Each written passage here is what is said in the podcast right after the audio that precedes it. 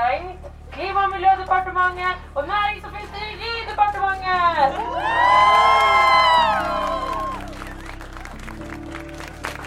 Så planen om å stenge staten går overraskende bra. Aksjonen mot vindmøllene fortsetter å vokse etter over én uke med slagord, joik og stengte departementsdører i Oslo.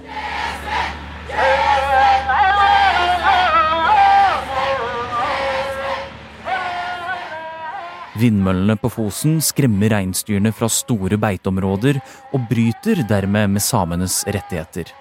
Det konkluderte Høyesterett med for halvannet år siden.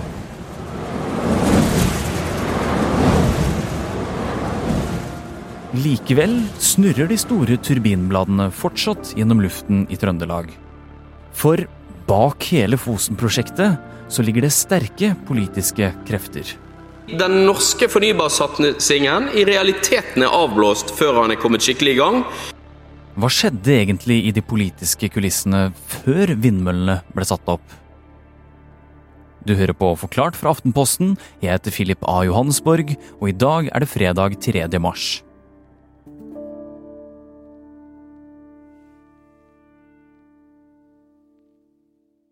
På tirsdag hadde Forklart en episode om demonstrasjonene og kampen mellom klima og naturvern.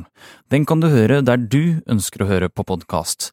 Men i denne episoden skal vi heller se litt nærmere på den politiske kampen bak vindmøllene på Fosen, og politisk journalist i Aftenposten Odd Inge Aas, hvor starter egentlig denne kampen?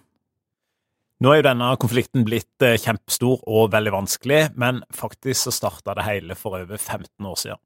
Og hva var bakgrunnen for prosjektet? Ja, Jens Stoltenberg han ble statsminister i 2005, og hans regjering de hadde et ønske om å få mye mer fornybar kraft i Norge. Og Da begynte Statkraft å se på hvor det kunne være lønnsomt, og de så seg annet ut et område i Trøndelag. Og Det passer egentlig veldig bra, for i Midt-Norge der var det stor kraftmangel, og det førte også til at strømprisene i perioder var veldig høye. Um, og Det gjorde òg at det var vanskelig å se for seg at det kunne komme med ny industri i Trøndelag. Så det passa bra på flere måter. Så starter prosessen. Det holdes folkemøter og møter med reinnæringen, og i 2010 så kommer konklusjonen.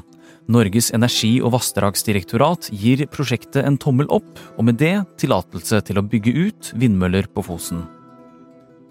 Ja, mange var jo fornøyde fordi at de så at det var behov for dette med ny kraft og ren energi, men det kom òg en del klager, bl.a. fra samiske interesser. Da. Sametinget klagde, og reindriftssamene på Fosen de klagde og sa at dette ville gå utover eh, den måten som de driver reindriften på. På tross av dette så ga han som da var olje- og energiminister, Ola Borten Moe, noe av det siste han gjorde som minister, var å gi tillatelse til dette prosjektet eh, sommeren 2013. Men to år senere så skjer det noe uventet. Kraftselskapet Statkraft, som er heleid av staten, snur. I 2015 sier de plutselig nei til å bygge ut vindkraft på Fosen. Statkrafts styre besluttet for få dager siden å droppe hele prosjektet. Det var veldig overraskende. Eh, og en litt sånn eh, Litt sjokkarta, på en måte. Ja, I dag så høres det egentlig veldig rart ut, men eh, grunnen var at strømprisene i Norge var altfor lave. Så de vil rett og slett ikke lønne seg å bruke så mye penger på å bygge ut en så svær vindpark, og så lage et produkt som du ikke vil få så veldig mye penger for når du solgte det. Så når Statkraft nå sier nei, så skaper det sterke reaksjoner hos politikerne, både i regjeringa og på Stortinget. Utviklinga med det som skjer på Fosen og Statkraft som har sagt nei til å bygge ut, jeg syns det er dypt tragisk. Jeg hadde virkelig håpet at det skulle skje. Og det endte jo med at et samla politisk Norge protesterte. Nesten alle partier vendte seg mot Statkraft og sa at dette ble helt feil.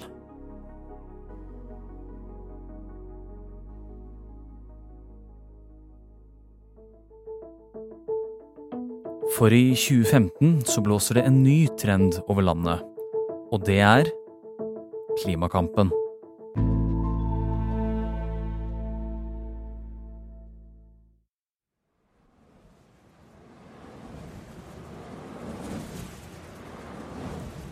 EU hadde i 2008 bestemt at eh, en mye større andel av kraften som blir brukt i Europa, måtte komme fra fornybar energi. Og gjennom EØS-avtalen så måtte Norge òg eh, forholde seg til det. Og da fant Norge opp en ordning sammen med Sverige om noe de kalte for grønne sertifikater. Og den gikk ut på at eh, strømkundene skulle betale litt mer over strømregninga, og så gikk de pengene til de kraftprodusentene som valgte å satse på fornybare prosjekter. Eh, og I tillegg så hadde jo Norge noen klimamål som eh, de var nødt til å hadde forplikta seg til å nå, eh, og der en òg sleit med å komme i havn. Så Derfor så var det en veldig stort engasjement for å, for å få nye fornybare prosjekter.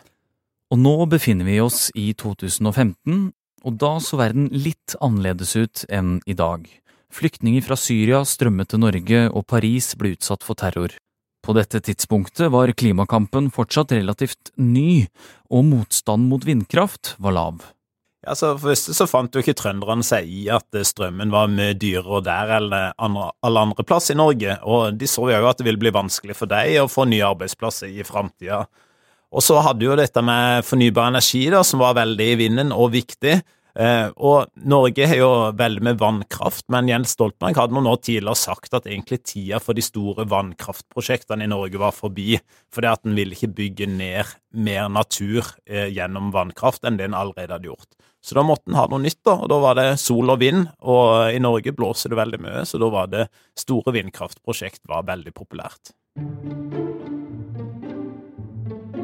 Så høsten 2014 så ga politikerne faktisk 10 milliarder kroner til Statkraft for at de skulle bygge ut på Fosen og andre steder der det blåser veldig mye. Og Da ble jo overraskelsen veldig stor da Statkraft et halvt år senere trakk seg og sa at nei, vi vil ikke bygge ut på Fosen. Det møtte kraftige reaksjoner på Stortinget, bl.a. fra Senterpartiets Marit Arnstad. Det er klart at eh, Statkrafts beslutning om å ikke investere på Fosen, den har eh, i grunnen sjokkert oss. SVs Heikki Holmås. Vi er i en alvorlig situasjon fordi den norske fornybarsatsingen i realiteten er avblåst før han er kommet skikkelig i gang. Nikolai Astrup fra Høyre. Skuffelsen var derfor stor når det ble kjent at styret ikke ønsket å fatte investeringsbeslutning. Og KrFs Kjell Ingolf Ropstad. Jeg syns det er dypt tragisk. Jeg hadde virkelig håpet at det skulle skje. Ja, De politiske reaksjonene fra så å si alle partier var jo veldig sterke. Hun som var næringsminister, da, Monica Mæland fra Høyre, hun ba Statkraft om å se dette på nytt. Næringsminister Monica Mæland er ikke fornøyd med svarene hun fikk i dag fra Statkraft, og har bedt om en ny redegjørelse. Linda Helland fra Høyre hun mente jo at det hele styret i Statkraft burde få sparken hvis dette sto seg. Mener du at styret må gå?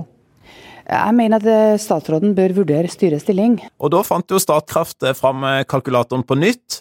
Det de gjorde, var at de så at hvis vi flytter noen av vindmøllene som skulle være sør for Trondheimsfjorden, nord for fjorden, så der det blåste enda mer, så ville de kanskje få lagt enda mer strøm. Og etter en del politisk press og nye regnestykker, så fant de ut at ja, dette kan vi kanskje tjene penger på likevel. I 2016 starter gravingen på Fosen, og tre år senere snurrer de første vindmøllene. Men samtidig så går reindriftssamene til tingretten. De vil stanse utbyggingen som allerede er i gang. Men samene får ikke medhold, retten mener det går an å drive reindrift ved siden av vindmøllene. Og samene får heller ikke gjennomslag i lagmannsretten. Men så kommer saken opp i Høyesterett.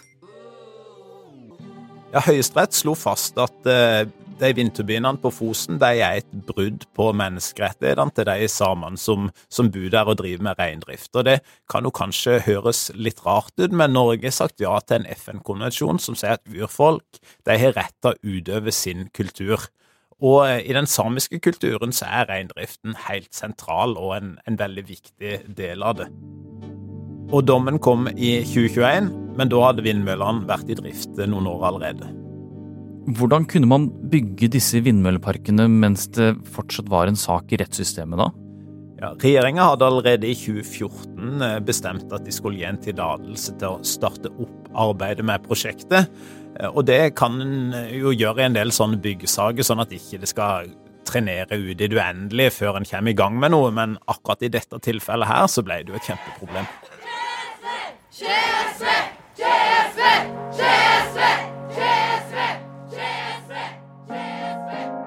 Og mens det i 2023 ropes CSV, altså Vis samisk ånd eller samisk kraft, så er det nå gått nesten to tiår siden de første tankene ble sådd om en vindmøllepark på Fosen. Situasjonen virker temmelig fastlåst, og fortsatt har vi en klima- og kraftkrise hengende over oss. Egentlig så har vi jo flere ganske store problemer og utfordringer som vi må prøve å løse samtidig. Eh, for det første så slo jo den energikommisjonen nylig fast at eh, vi mangler egentlig veldig mye kraft, og det haster veldig med å komme i gang med å bygge ut nye prosjekter. Eh, det er jo fordi at vi skal prøve å kutte klimagassutslippene våre, så veldig mye av det som i dag gjenger på fossilt brennstoff, må begynne å gå på strøm i framtida. Eh, samtidig så vet vi jo at oljealderen vår nærmer seg slutten, eh, så vi er jo nødt til å finne ny industri og nye arbeidsplasser som folk kan leve av i framtida. Det er jo industri som vil kreve ganske mye kraft, eh, men den må være ren.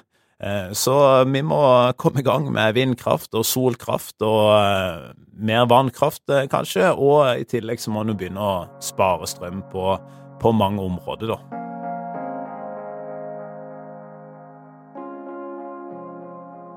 I tillegg til dette så skrev Norge rett før jul under en historisk eh, naturavtale som vi har forplikta oss til å verne mer av naturen vår. Og så er vi sett nå at de samiske interessene òg ofte kolliderer med sånn vindkraftprosjekter.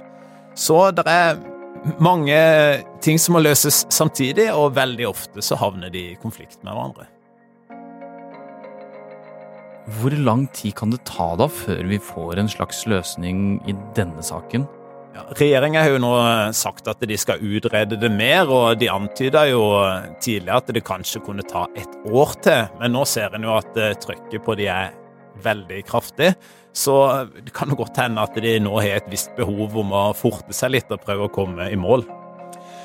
Jeg vil likevel starte med å rette fokus mot den parten i saken som dette primært handler om nemlig reindriftssamene på Fosen.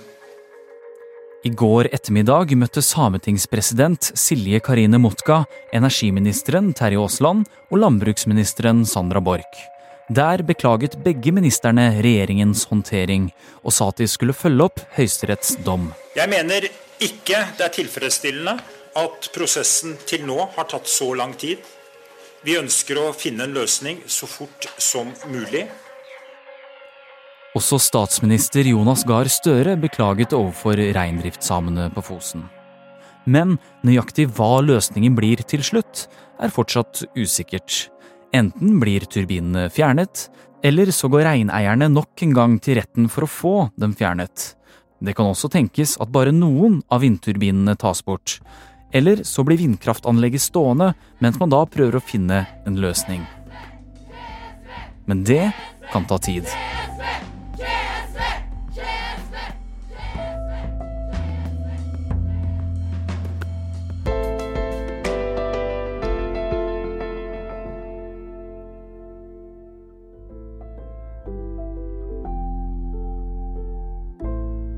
Du har hørt podkasten Forklart ifra Aftenposten, i dag med journalist Odd Inge Aas, som ga oss bakgrunnen for hvorfor det står vindmøller på Fosen i dag. Lyden i denne episoden er hentet fra Stortingets nettsider, NRK og dokumentaren Regn og vind av Hanna Jorde, som du kan se på ap.no rein. Denne episoden er laget av produsent Synne Søhol, Trond Odin Johansen og meg, Philip A. Johannesborg.